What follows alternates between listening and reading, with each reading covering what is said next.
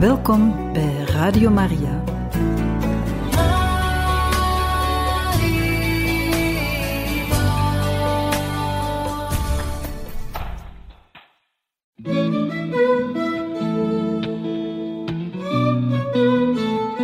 De kerk spreekt. De zorg van een moeder door de eeuwen heen. Een programma van Radio Maria.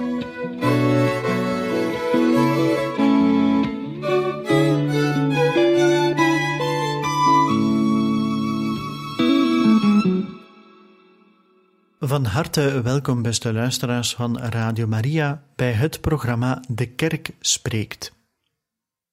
Wij lezen u vandaag verder voor uit de apostolische exhortatie Reconciliatio et Penitentia over de verzoening en boete in de zending van de kerk in deze tijd. Geschreven door de heilige paus Johannes Paulus II op 2 december 1984 en resultaat van de zesde algemene vergadering van de Bisschoppensynode gehouden in het jaar 1983. We zijn ondertussen aangekomen bij het tweede hoofdstuk, en dat draagt de titel Naar de bronnen van verzoening. Eerste ondertiteling In het licht van Christus als verzoener. Zoals uit de parabel van de verloren zoon blijkt, is de verzoening een geschenk van God en helemaal zijn initiatief. Ons geloof leert ons echter dat dit initiatief zijn verwerkelijking gevonden heeft in het mysterie van Christus, de Verlosser, de Verzoener, de Bevrijder, die de mens ontrukt aan de zonde in al haar vormen. De heilige Paulus aarzelt niet de onvergelijkelijke zending van Jezus van Nazareth, het Woord en de mens geworden Zoon van God, juist in deze taak en dienst samen te vatten. Ook wij kunnen van dit fundamentele mysterie van de heilsbedeling uitgaan, dat als het ware de kern vormt van de Christologie van de apostel. Toen wij vijanden waren, zijn wij met God verzoend door de dood van zijn zoon, schrijft hij aan de Romeinen. Des te zekerder zullen wij, eenmaal verzoend, gered worden door zijn leven.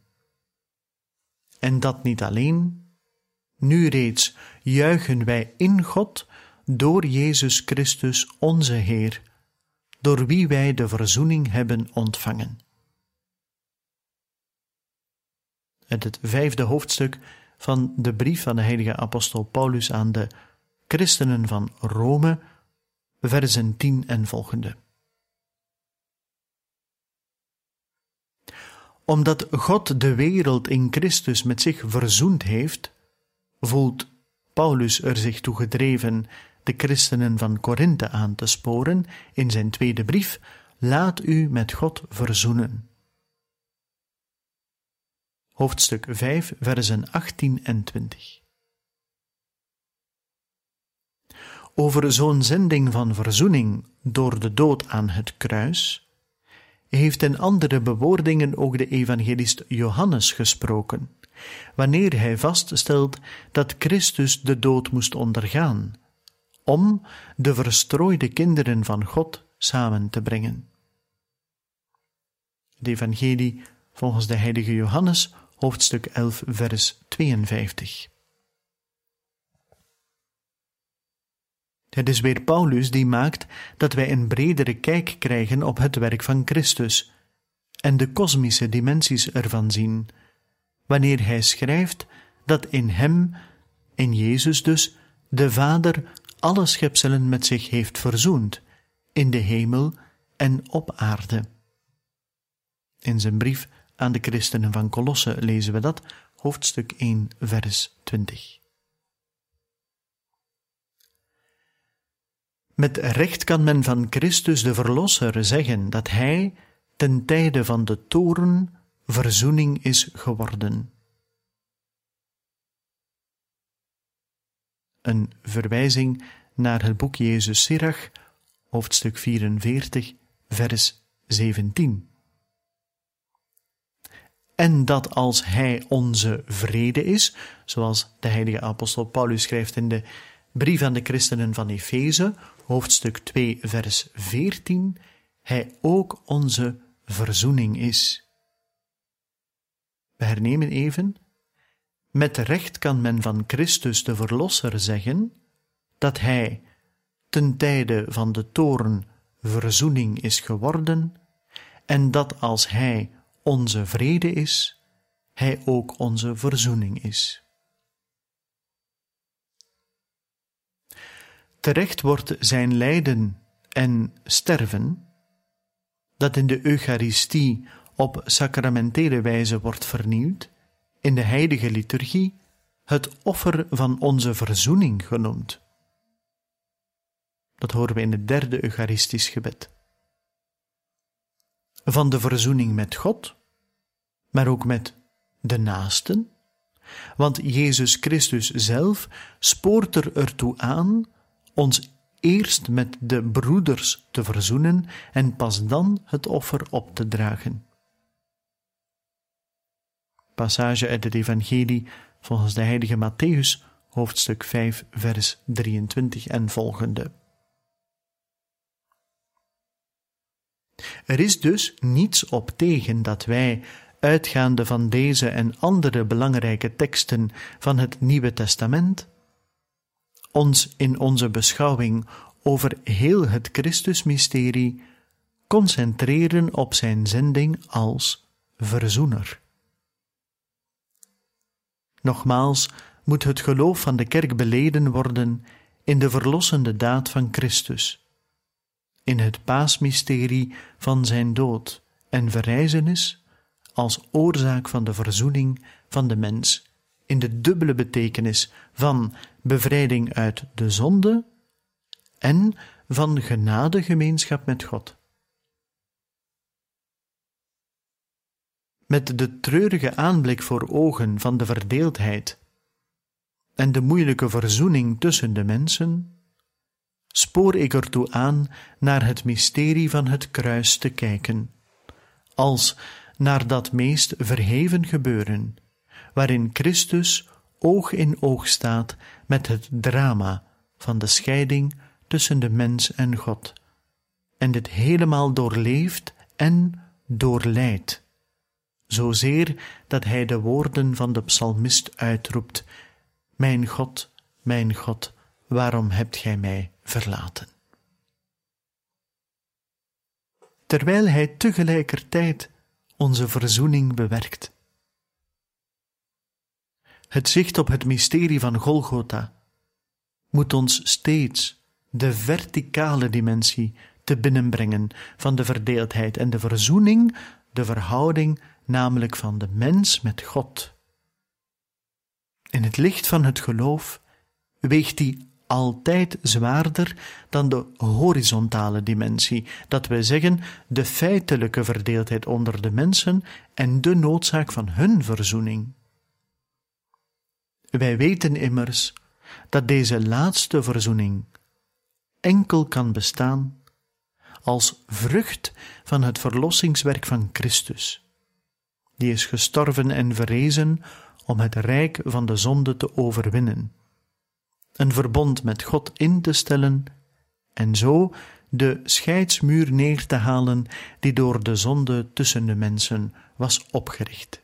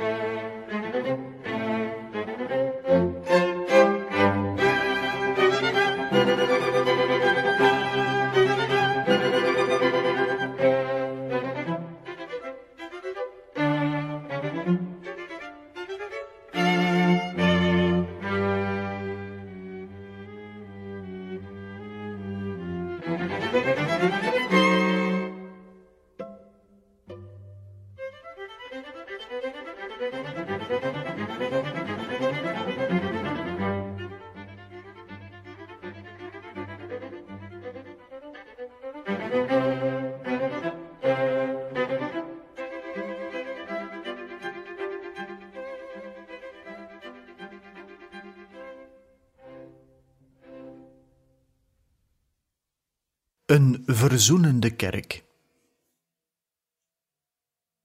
Maar, zoals de heilige Leo de Grote al zei, toen hij sprak over het lijden van Christus,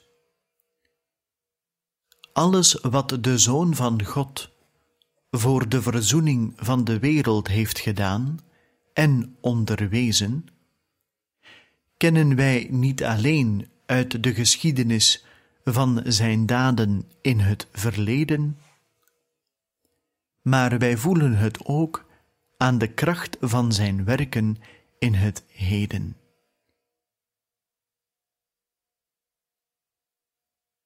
De verzoening immers die hij in zijn mensheid voltrokken heeft, worden wij gewaar in de werkdadige kracht van de heilige geheimen, die door zijn kerk worden gevierd voor wie hij zichzelf heeft overgeleverd, en die hij tot teken en instrument van heil heeft gemaakt. De heilige Paulus verzekert dit, waar hij schrijft dat God de apostelen van Christus laat delen in zijn werk van verzoening. God heeft ons, zo zegt hij, de dienst van de verzoening en het woord van de verzoening toevertrouwd. In de tweede brief van de heilige apostel Paulus aan de christenen van Korinthe. In zijn barmhartigheid heeft de Vader in de handen en de mond van de apostelen het dienstwerk van de verzoening neergelegd, dat zij op bijzondere wijze vervullen, krachtens de volmacht die hun verleend is, om in persona Christi te handelen. Maar ook aan heel de gemeenschap van gelovigen, aan heel het lichaam van de kerk, is het woord van de verzoening toevertrouwd. De taak namelijk om al het mogelijke te doen om van verzoening te getuigen en deze in de wereld te verwerkelijken. Men kan zeggen dat ook het Tweede Vaticaans Concilie erkend heeft dat de kerk er vooral naar moet streven om de mensen tot volledige verzoening te brengen. Het noemt de kerk immers het sacrament, dat we zeggen teken en instrument van de innige vereniging met God en van de eenheid van heel het menselijk geslacht. En het geeft als haar taak aan ernaar te streven dat de mensen die nu door velerlei banden hechter met elkaar verbonden zijn, ook de volle eenheid in Christus bereiken. Uit Lumen Gentium. De taak van de kerk, die weliswaar veelomvattend en rijk geschakeerd is, maar tegelijkertijd ten nauwste verbonden is met de zending van Christus, kan men dus samenvatten in die voor haar op de eerste plaats komende taak van de verzoening van de mens. Een verzoening met God, met zichzelf, met de broeders en met heel de schepping. En dit op een aanhoudende manier, want, zoals ik elders gezegd heb, de kerk is van nature altijd verzoenend. Verzoenend is de kerk wanneer zij de boodschap van de verzoening verkondigt, zoals zij dat in de loop van haar geschiedenis altijd gedaan heeft, te beginnen met het Apostolisch Concilie van Jeruzalem, tot aan de jongste bisschoppensynode en het recente jubileum van de verlossing toe. Het bijzondere van die verkondiging ligt daarin dat voor de kerk de verzoening nauw verbonden is met de bekering van het hart. Die vormt immers de noodzakelijke weg om te komen tot overeenstemming tussen de mensen. Verzoenend is de kerk ook wanneer zij aan de mensen de wegen en de middelen wijst om tot die bovengenoemde viervoudige verzoening te komen. Deze wegen zijn juist de bekering van het hart en de overwinning van de zonde. Of deze bestaat in blinde eigenliefde of onrechtvaardigheid, in overheersing of uitbuiting van anderen, in de begeerte naar materiële goederen of in een ongebreidelde genotzucht. De middelen zijn een volhardend en liefdevol luisteren naar het woord van God. Het persoonlijk en gemeenschappelijk gebed, en vooral de sacramenten als de ware tekenen en instrumenten van verzoening, waaronder in dit opzicht het sacrament naar voren springt dat we gewoonlijk het sacrament van verzoening of bekering noemen, en waarop in het volgende nog nader ingegaan zal worden.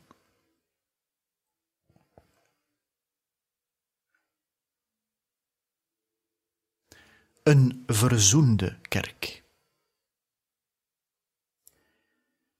Het hoort tot de verdiensten van Paulus de mijn vereerde voorganger. Duidelijk gemaakt te hebben dat de kerk, wil zij het evangelie verkondigen, er blijk van moet geven zelf het evangelie aanvaard te hebben. Dat wil zeggen, open te staan voor de volledige en onverkorte verkondiging van het evangelie van Jezus Christus, ten einde ernaar te luisteren en haar in praktijk te brengen. Een citaat uit Evangelie Nunciandi.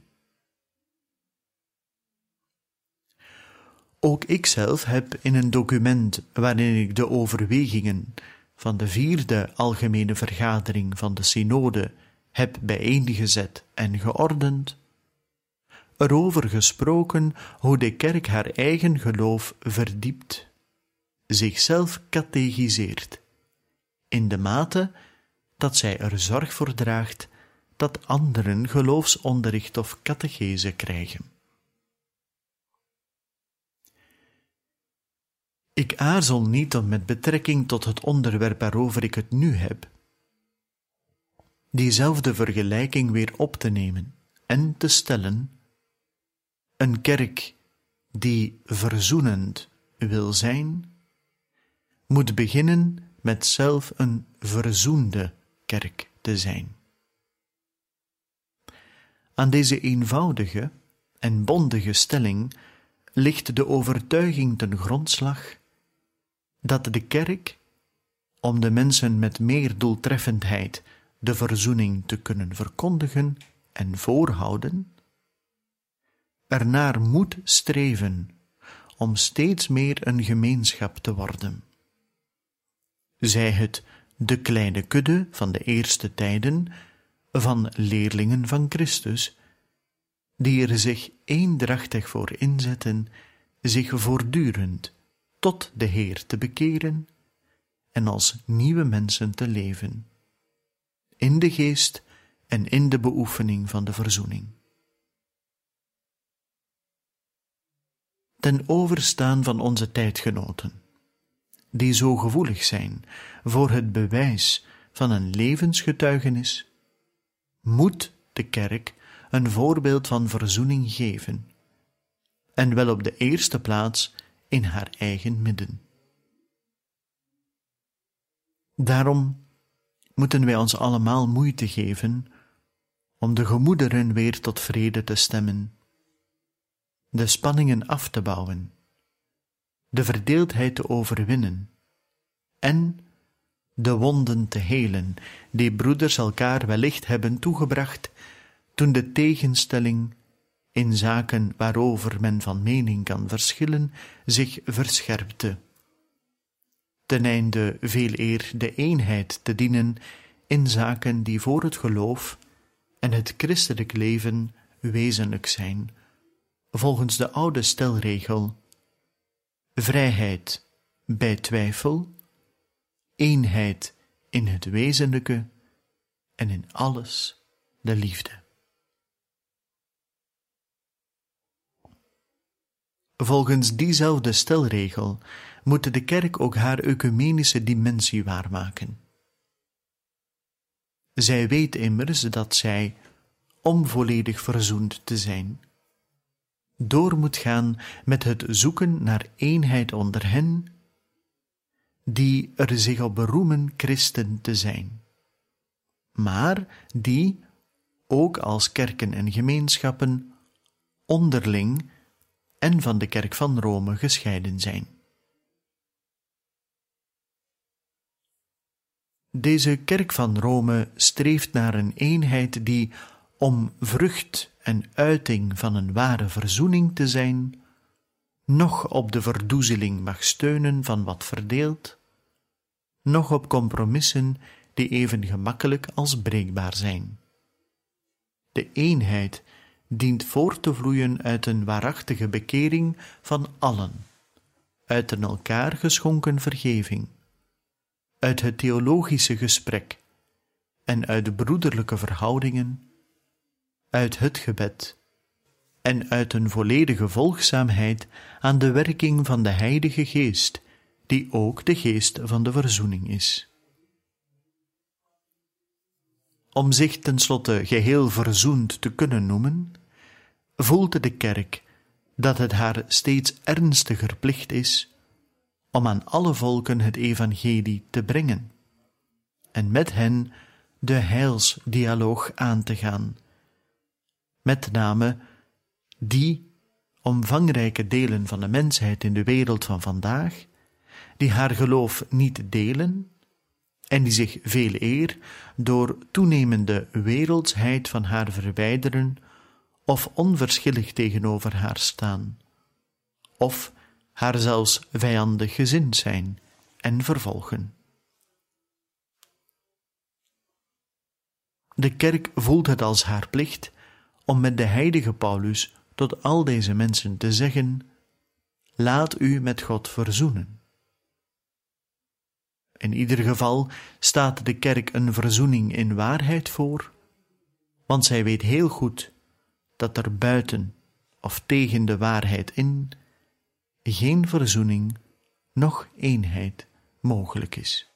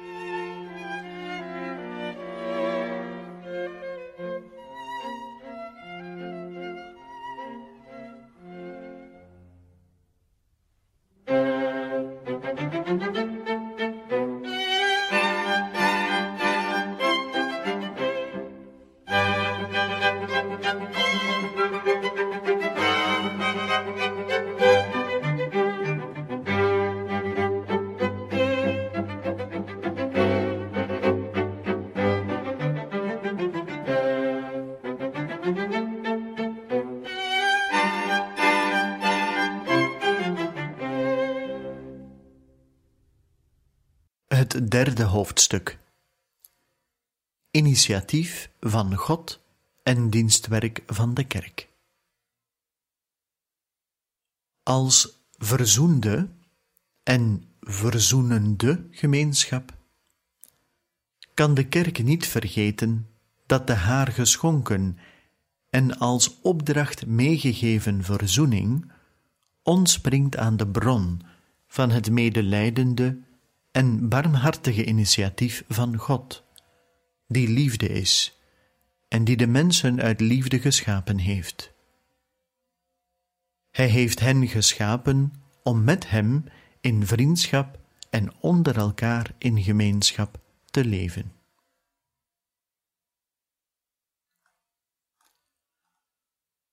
Verzoening komt van God. God van zijn kant blijft zijn eeuwig raadsbesluit getrouw. Ook al maakt de mens daartoe aangezet door de duivel en meegesleept door de hoogmoed en een verkeerd gebruik van de vrijheid die hem gegeven is om lief te hebben en met heel zijn hart het goede na te streven, en weigert hij de gehoorzaamheid die hij aan zijn Heer en Vader verschuldigd is. Ook al beantwoordt de mens de liefde van God nog niet met wederliefde, en verzet hij zich tegen hem als tegen een rivaal, terwijl hij zichzelf, door te zeer op eigen krachten te vertrouwen, misleidt, waardoor er een breuk komt in de band met hem die hem geschapen heeft.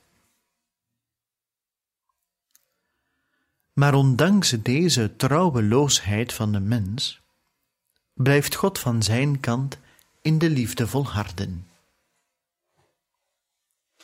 Weliswaar doet het paradijsverhaal ons nadenken over de schadelijke gevolgen van het afwijzen van de Vader, waardoor de mens innerlijk in de war is geraakt en de harmonie tussen man en vrouw en tussen broeders onderling is verstoord. Ook de parabel uit het Evangelie over de twee zoons die zich, ieder op een eigen manier, van de vader verwijderen en ernstig van elkaar vervreemden, is veelzeggend. Het afwijzen van de vaderlijke liefde en van zijn liefdesgaven is altijd oorzaak van verdeeldheid tussen mensen. Maar wij weten dat God, die rijk is aan erbarmen, zoals de vader uit de parabel, voor geen van zijn zonen zijn hart sluit. Hij wacht op hen. Hij zoekt hen. Hij treedt hen daar tegemoet waar hun weigering van gemeenschap hen in eenzaamheid en verdeeldheid gevangen houdt.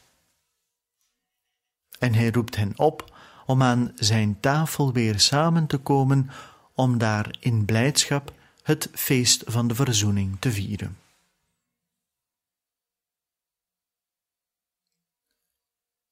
Dit initiatief van God krijgt zichtbare gestalte in het verlossende handelen van Christus, dat zich door het dienstwerk van de kerk over de gehele wereld verbreidt.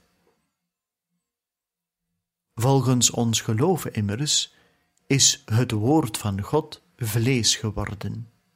Is Hij op aarde komen wonen onder de mensen en is Hij de geschiedenis van de wereld binnengetreden, haar op zich nemend en in zich samenvattend. Hij heeft ons geopenbaard dat God liefde is en ons het nieuwe gebod van de liefde gegeven, en ons tegelijkertijd de zekerheid verschaft dat de weg van de liefde open ligt voor alle mensen, zodat het niet zinloos is zich in te zetten voor de broederschap onder alle mensen. Met zijn dood aan het kruis heeft hij het kwaad en de macht van de zonde overwonnen zodat zijn liefdevolle gehoorzaamheid aan allen het heil heeft gebracht en hij voor allen verzoening is geworden. In hem heeft God de mens met zich verzoend. De kerk van haar kant zet de verkondiging van de verzoening voort die Christus predikte in de dorpen van Galilea en van heel Palestina. En zij houdt niet op heel de mensheid aan te sporen zich te bekeren en in het evangelie te geloven. Zij spreekt in naam van Christus en maakt de oproep van de apostel Paulus tot de hare, waaraan ik al herinnerd heb. Wij zijn gezanten van Christus. God roept u op door ons woord. Wij smeken u in Christus naam, laat u met God verzoenen.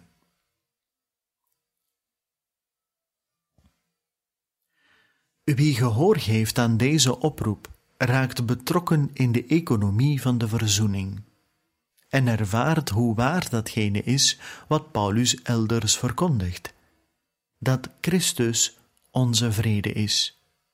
Hij die de twee werelden één heeft gemaakt en de scheidsmuur heeft neergehaald, dat wil zeggen de vijandschap, om beide in één lichaam met God te verzoenen.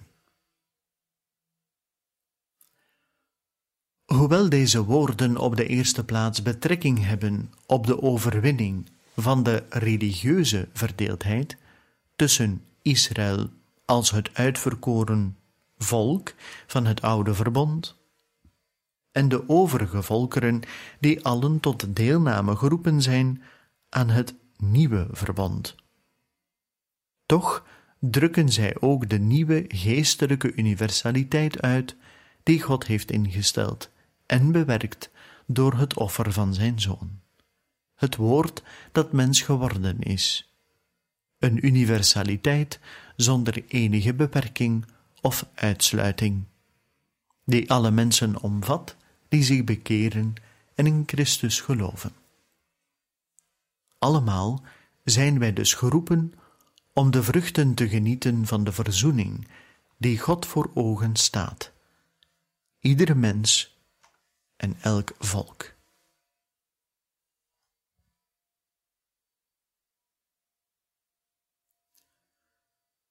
De kerk als het grote sacrament van de verzoening. Het is de zending van de kerk, deze verzoening te verkondigen en er het sacrament van te zijn in de wereld. Nu is de kerk sacrament, dat wil zeggen teken en instrument van verzoening om meerdere redenen, die weliswaar van verschillend gehalte zijn, maar die toch steeds neerkomen op haar gerichtheid op het verkrijgen van datgene wat God in zijn barmhartig raadsbesluit aan de mensen wil schenken. Sacrament is de kerk op de eerste plaats om het loutere feit van haar bestaan als verzoende gemeenschap, die in de wereld van het werk van Christus getuigenis aflegt en het tegenwoordig stelt. Sacrament is zij vervolgens ook vanwege haar dienst als behoedster en verklaarster van de Heilige Schrift de blijde boodschap van de verzoening. Aan iedere generatie maakt zij steeds weer het goddelijk raadsbesluit en liefdesplan bekend, en aan ieder toont zij de wegen van een algehele verzoening in Christus. Sacrament is zij tenslotte vanwege de zeven sacramenten, die ieder op eigen wijze de kerk opbouwen. In alle sacramenten wordt immers het paasmysterie van Christus herdacht en vernieuwd, waardoor zij voor de kerk een bron van leven vormen, en in haar handen, om zo te zeggen, het instrument vormen van de bekering tot God en van de verzoening onder de mensen.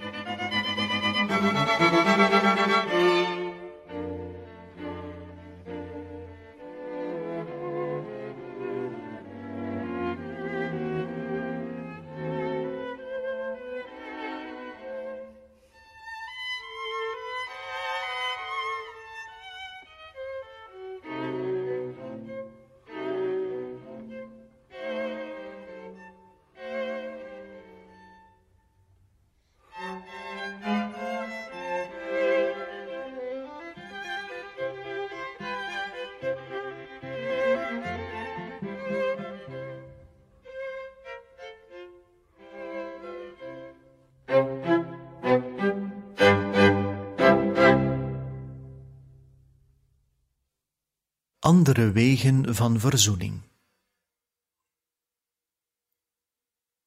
De zending tot verzoening is iets dat eigen is aan heel de kerk, ook en vooral aan die kerk die al ten volle deelt in de goddelijke heerlijkheid, samen met de heilige maagd Maria, met de engelen en alle heiligen, die de heilige God aanschouwen en aanbidden. De kerk in de hemel, de kerk op aarde en de kerk in het vage vuur werken op een mysterievolle wijze met Christus samen om de wereld met God te verzoenen. De eerste weg van deze heilbrengende werking is het gebed. Ongetwijfeld ondersteunen de heilige Maagd Maria, moeder van Christus en de Kerk, en de heiligen die hun aardse pelgrimstocht hebben voltooid en nu de heerlijkheid Gods genieten, met hun voorspraak hun broeders die nog aan hun aardse pelgrimstocht bezig zijn, bij hun ijverige toeleg zich te bekeren, hun geloof te verdiepen, na iedere val weer tot vernieuwing van leven te komen en te werken aan de groei van de gemeenschap en de vrede in de kerk en de wereld. In het mysterie van de gemeenschap van de heiligen vindt de algemene verzoening haar diepste en voor het heil van allen meest vruchtbare vorm. Er is ook een andere weg. Ik bedoel de weg van de prediking. De kerk, die zelf leerling is van de ene meester Jezus Christus, houdt als moeder en meesteres niet op aan de mensen de verzoening voor te houden. En zij aarzelt niet erop te wijzen hoe slecht de zonde is en hoe noodzakelijk de bekering, en de mensen met klem aan te sporen dat zij zich bekeren. Dat is immers haar profetische zending in zowel de wereld van vandaag als in de wereld van gisteren. Het is de zending van Jezus zelf, haar meester en hoofd. Zoals Hij, zo zal ook de kerk deze zending altijd vervullen vanuit een barmhartige liefde en aan allen de boodschap brengen van de vergeving en de hoop die uit het kruis voortkomen. Een, zij het vaak moeilijke en harde weg, is ook de pastorale inspanning, om iedere mens, wie hij ook is en waar hij zich ook ophoudt, terug te roepen naar de soms nog lange weg van de terugkeer naar de Vader in gemeenschap met alle broeders.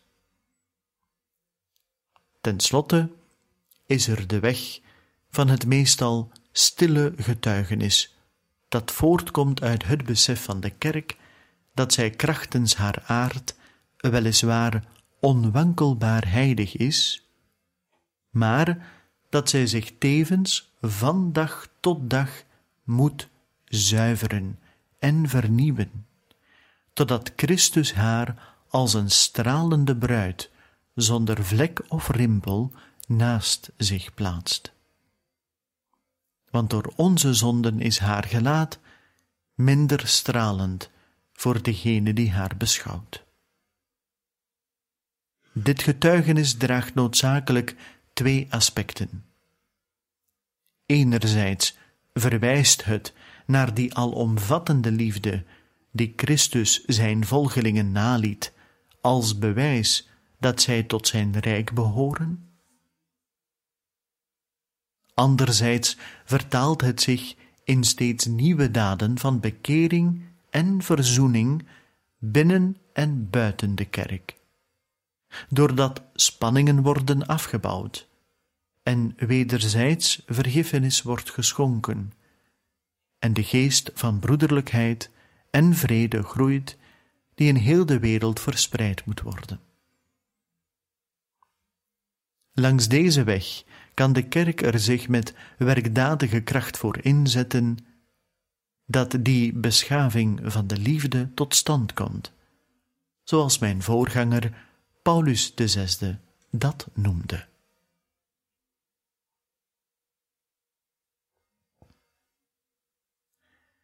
En met dit stukje zijn we aan het einde gekomen van het eerste deel van deze postsynodale apostolische exhortatie Reconciliatio et Penitentia. Over de verzoening en boete in de zending van de kerk in deze tijd, geschreven dus door de heilige paus Johannes Paulus II en het resultaat van de zesde gewone bisschoppensynode die in 1983 werd gehouden.